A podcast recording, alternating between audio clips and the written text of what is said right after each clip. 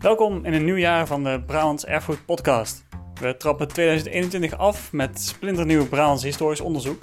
Want elk jaar verschijnt het Noord-Brabants Historische Jaarboek. Met daarin allerlei nieuwe kennis over de geschiedenis van Noord-Brabant. Normaal wordt het nieuwe jaarboek in december feestelijk gepresenteerd. Uh, maar dat kon in 2020 natuurlijk niet doorgaan. En deze speciale aflevering is dan ook mede mogelijk gemaakt door Zuidelijk Historisch Contact, de Historische Vereniging Brabant en Erfgoed Brabant om het jaarboek van 2020 te presenteren. In deze extra lange aflevering spreek ik met twee auteurs uit dat jaarboek. Als eerste sprak ik met Gerard van Gurp. Hij is een lokale historicus, gespecialiseerd in de geschiedenis van de meierij van Sertogenbos. Hij onderzocht een interessant conflict in het Eindhoven van de 18e eeuw. Godsdienstspanningen speelden hierin een grote rol, maar lokale privileges vormden de aanleiding. Toen we net met ons gesprek gestart waren, zoals dat gaat in deze thuiswerktijden, begonnen ze bij mij buiten tegels te zagen. Dus het kan zijn dat je dat af en toe op de achtergrond hoort. Nou Gerard, heel erg fijn dat je tijd hebt om even digitaal uh, je bijdrage aan het jaarboek uh, toe te lichten. Ja. Uh, je artikel gaat over een conflict in het stadsbestuur van Eindhoven in ja, 1715, 1716 eigenlijk. Hè. Dat loopt wat langer door. En Noord-Brabant is dan een generaliteitsland. Dat wil zeggen dat het bestuurd werd door de Staten-Generaal in Den Haag maar dat het als gewest zelf daar geen afvaardiging in had. Zeker. Zoals Holland of Gelderland, die hadden wel gewoon een afvaardiging in de Staten-Generaal. En dan bovendien moesten vanaf 1660 lokale bestuurders van het generaliteitsland in principe gereformeerd zijn. En eigenlijk zoals we in je artikel wel kunnen lezen, is in principe wel een beetje een sleutelbepaling. Uh, want precies de gezinte van lokale bestuurders in Eindhoven wordt dan een probleem in 1715. Hè? Kun je uitleggen hoe dat conflict ontstond? Nee, het is zo dat, dat de bestuurders gereformeerd moesten zijn. Dat is vanaf 1648 al geweest. Vrede van Münster. Waar dus eerst allemaal verschillende uitspraken. En die zijn samengevoegd in ah, 1660. Ja. Maar het is eigenlijk van het begin af aan zo geweest. En het punt is, Brabant, Noord-Brabant was voornamelijk katholiek. Dus mhm. je kunt wel in een plaats zeggen dat de bestuur gereformeerd moet zijn. Maar er moeten er ook genoeg geschikte personen voor zijn.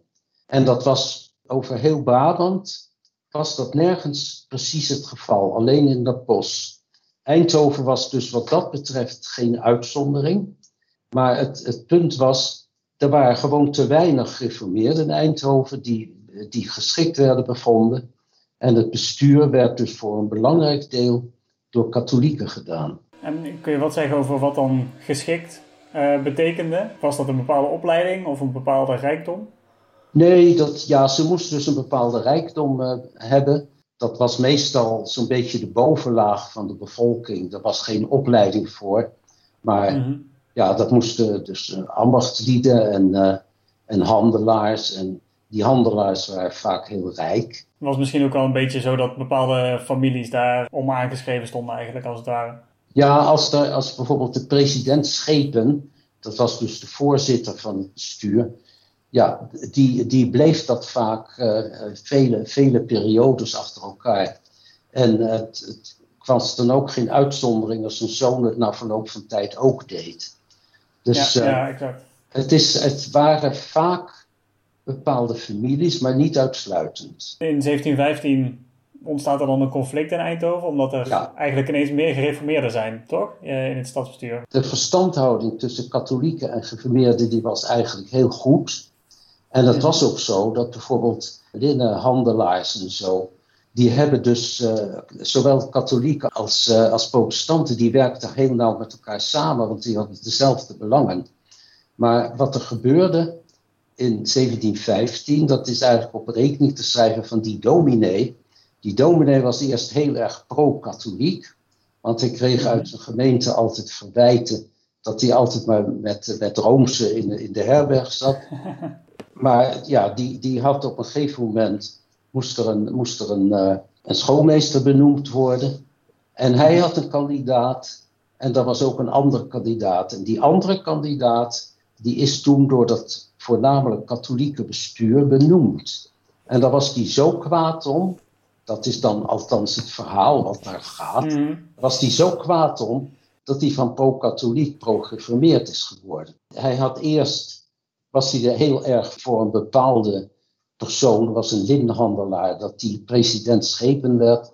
En uh, En daarna heeft hij zich ervoor beijverd dat hij ontslagen werd en dat er alleen maar geïnformeerden in het bestuur kwamen. Of dat zo is, ja, dat kan je natuurlijk nooit bewijzen, maar nou ja, dat, dat, het ligt eigenlijk nogal voor de hand dat het zo gebeurt. Maar dat het bestuur geïnformeerd werd was op zich niet zo bezwaarlijk, maar wat er gebeurd mhm. was, dat was wat er met de gilden gebeurde.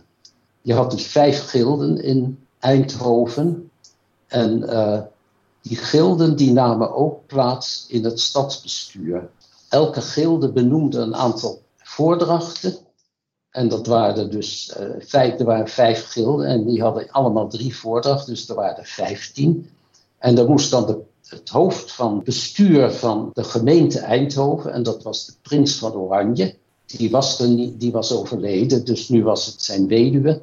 En die moest dan beslissen of kiezen welke, welke kandidaat het moest worden. En nou, die vijf kandidaten die dan benoemd werden, dat werden de vijf mannen genoemd. Maar wat er nu gebeurd was, die uh, gilden die maakten zelf een voordracht. Maar in 1715 werd opeens die voordracht veranderd door het stadsbestuur, wat inmiddels gereformeerd was. Want aangezien de meerderheid van de bevolking katholiek was, gebeurde het altijd dat, die kandidaten die benoemd werden namens de gilde, die waren ook allemaal katholiek. En dat, daar, daar hadden de gereformeerden dan weer bezwaar tegen. En toen hebben ze die voordracht veranderd.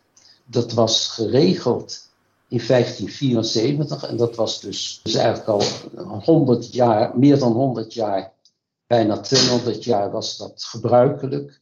En dat was een privilege van de gilde.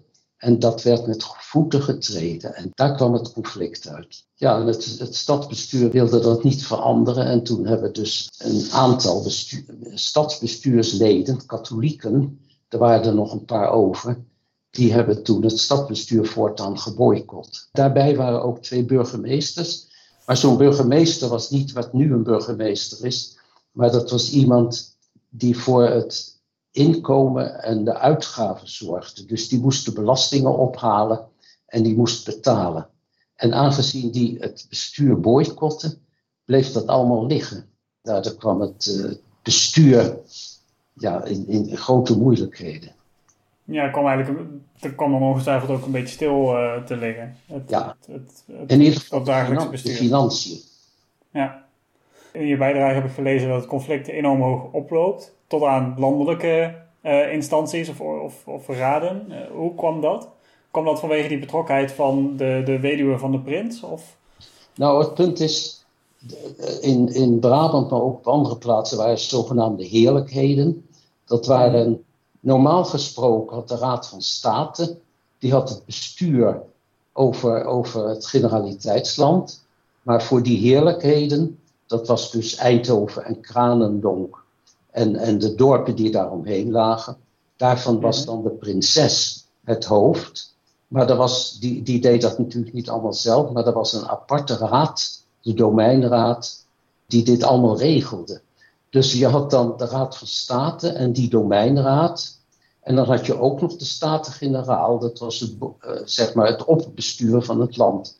En dus de, de problemen, ja, die werden met de Raad van State gedeeld, omdat die eigenlijk het, het normale bestuur had, en met de domeinraad.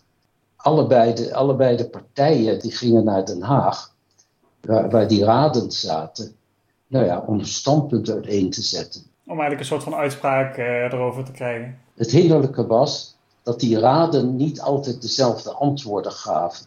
Dus de Raad van State gaf een ander antwoord dan de domeinraad. Dan, dan wordt het natuurlijk al snel verwarrend, ja. Nou ja, dit heeft zo een jaar of twee geduurd. Dat conflict is daarna opgelost.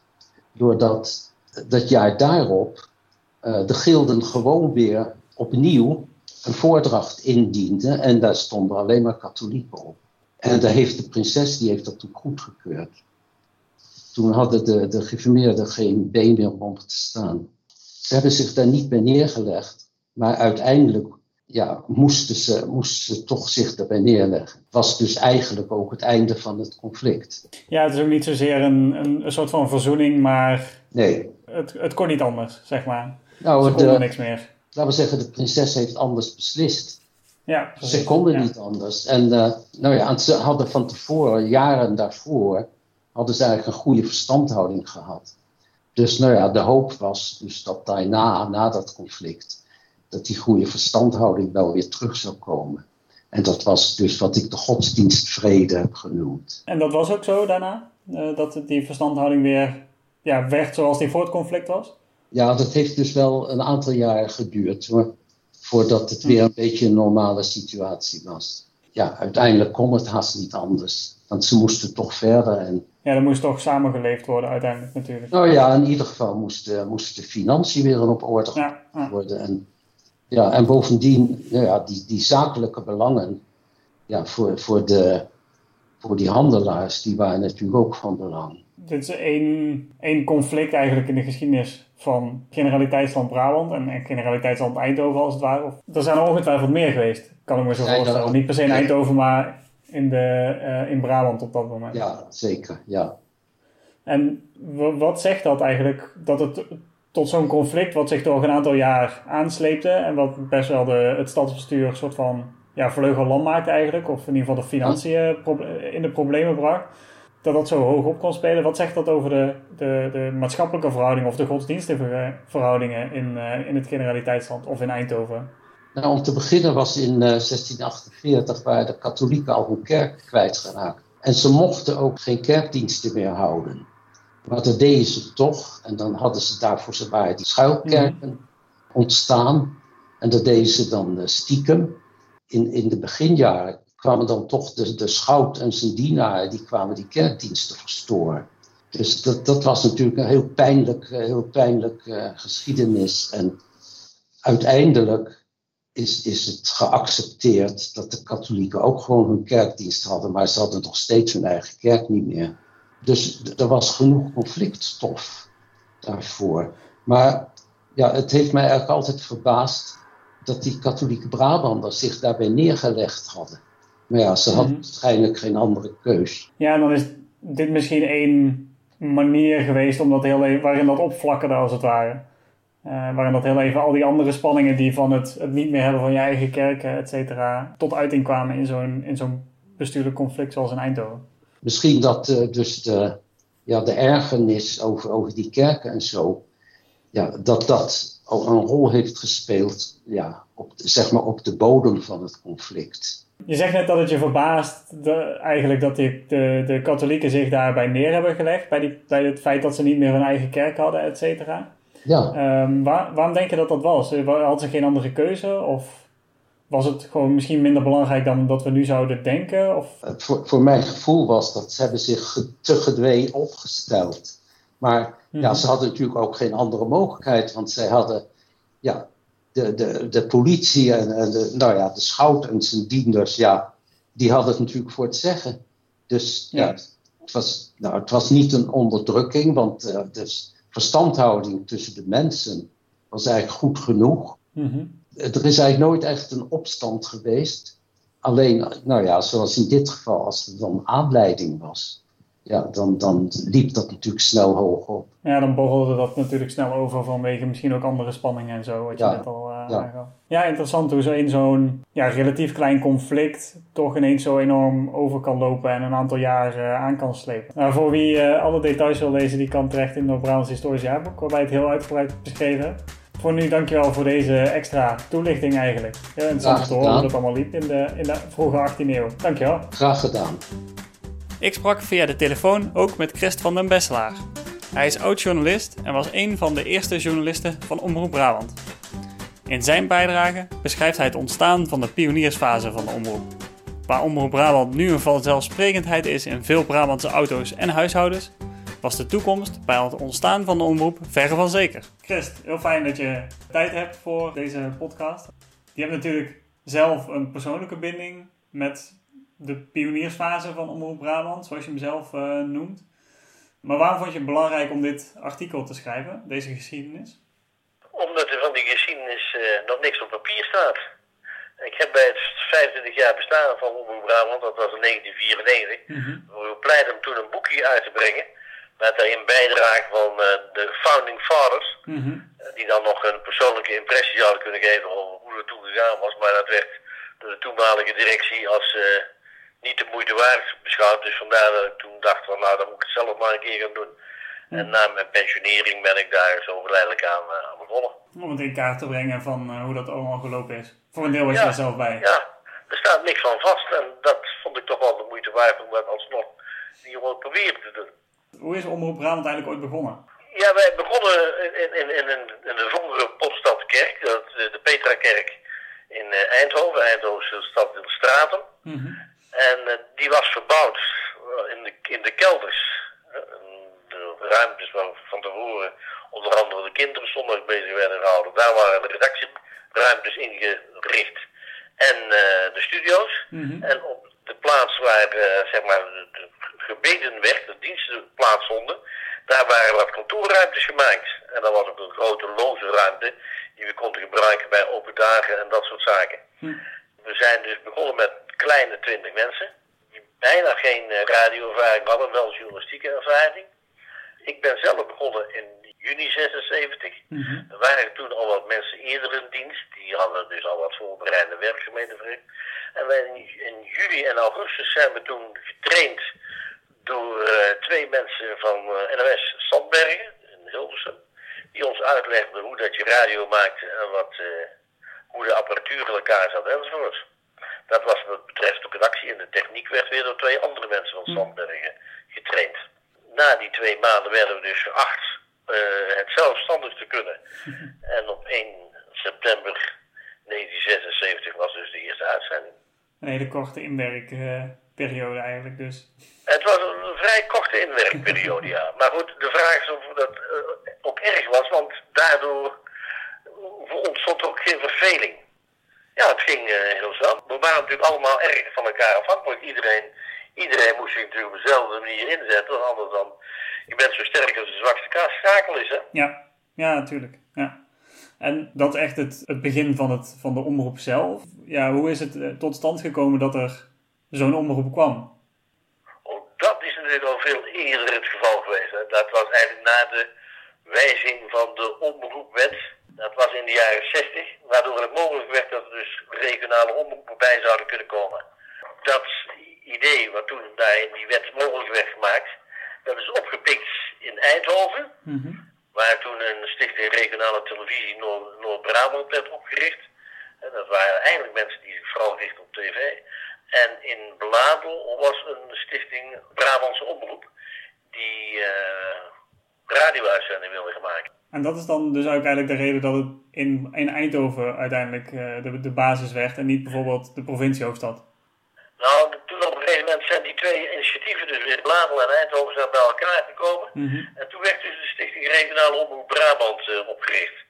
En die stichting heeft zich meteen tot doel gesteld om uitzendingen te maken, radio- en tv-uitzendingen te maken voor de hele provincie. Hm. Maar, werd er wel bij gezegd, dan vier verschillende programma's.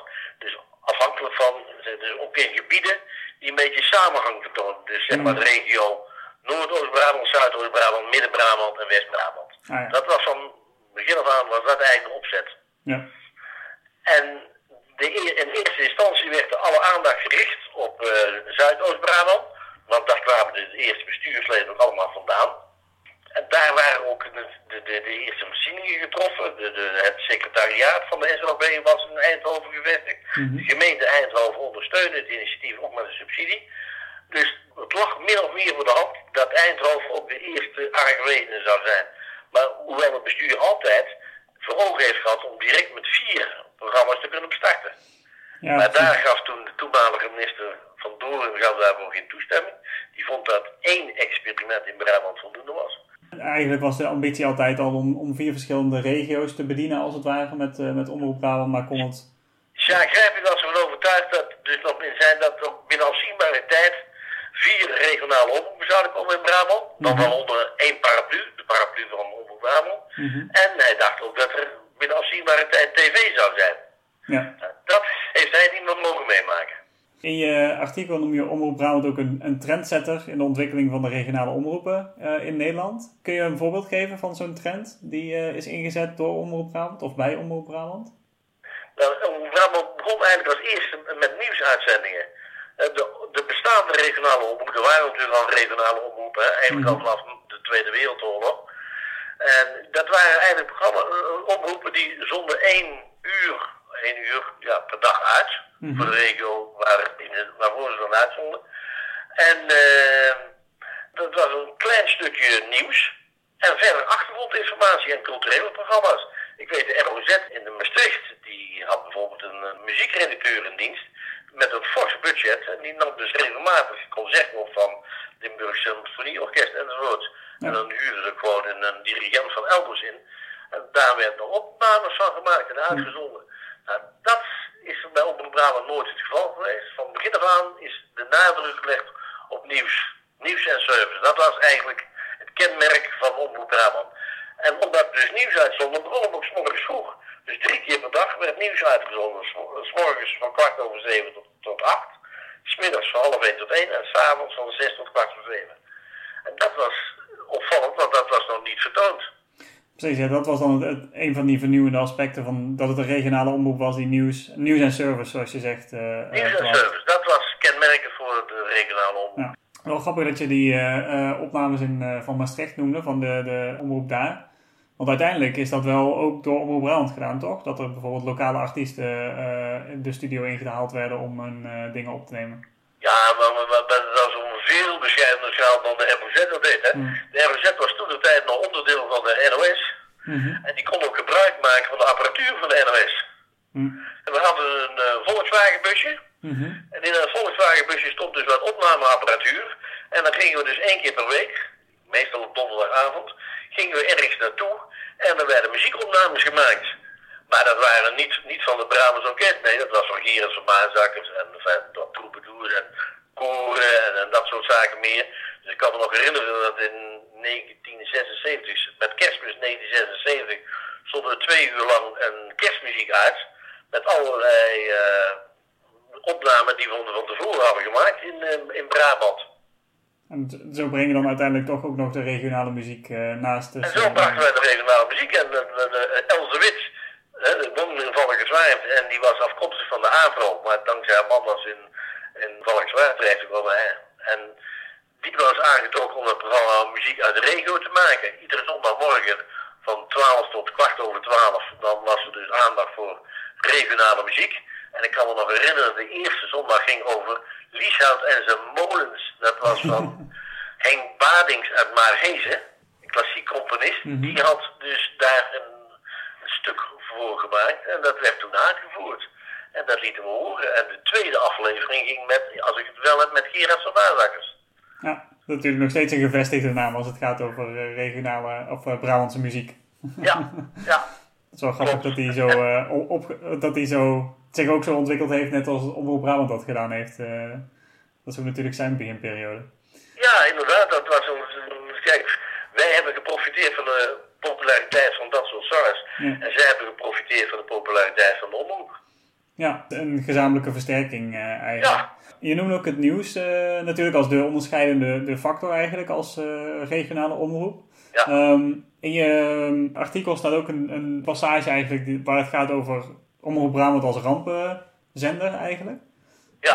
Kun je daar wat over vertellen? Ja, formeel is Brabant pas, dacht ik vanaf 1996, nou, ergens in de jaren 90, formeel rampenzender geworden.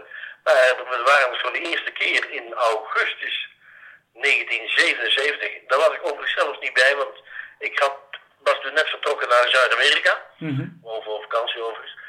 En uh, toen liep in Eindhoven eh, liepen alle straten onder. Dat was echt een enorme hoogte En de, ook de studio van Onder Brabant liep toen onder. En toen is er een foto gemaakt van Sjaak Grijping die op, ook mee moest helpen natuurlijk. Want werden ingezet mhm. om dus de berichtgeving te kunnen verzorgen. En Sjaak Grijping zat met zijn blote voeten zat hij in het water. dat was natuurlijk ook een gemaakte foto, is duidelijk. Hè. Ja, die, die, en die foto staat ook in historie. Ja, ja, die, die staat bij je bijdrage. Ja. Uh, dat, was dat was dus eigenlijk de eerste keer, maar dat was eigenlijk maar één, iets van één dag. Mm -hmm. En toen, twee jaar later, toen kwam een ijzel in de, in de winter van, dan moet ik even zo, 78, 79 geloof ik het was. Mm -hmm. Toen kwam er een enorme ijzel hier in deze regio terecht. En dat zorgde ervoor dat mensen de straat niet op konden. Dus auto's konden niet rijden, bussen reden ook niet.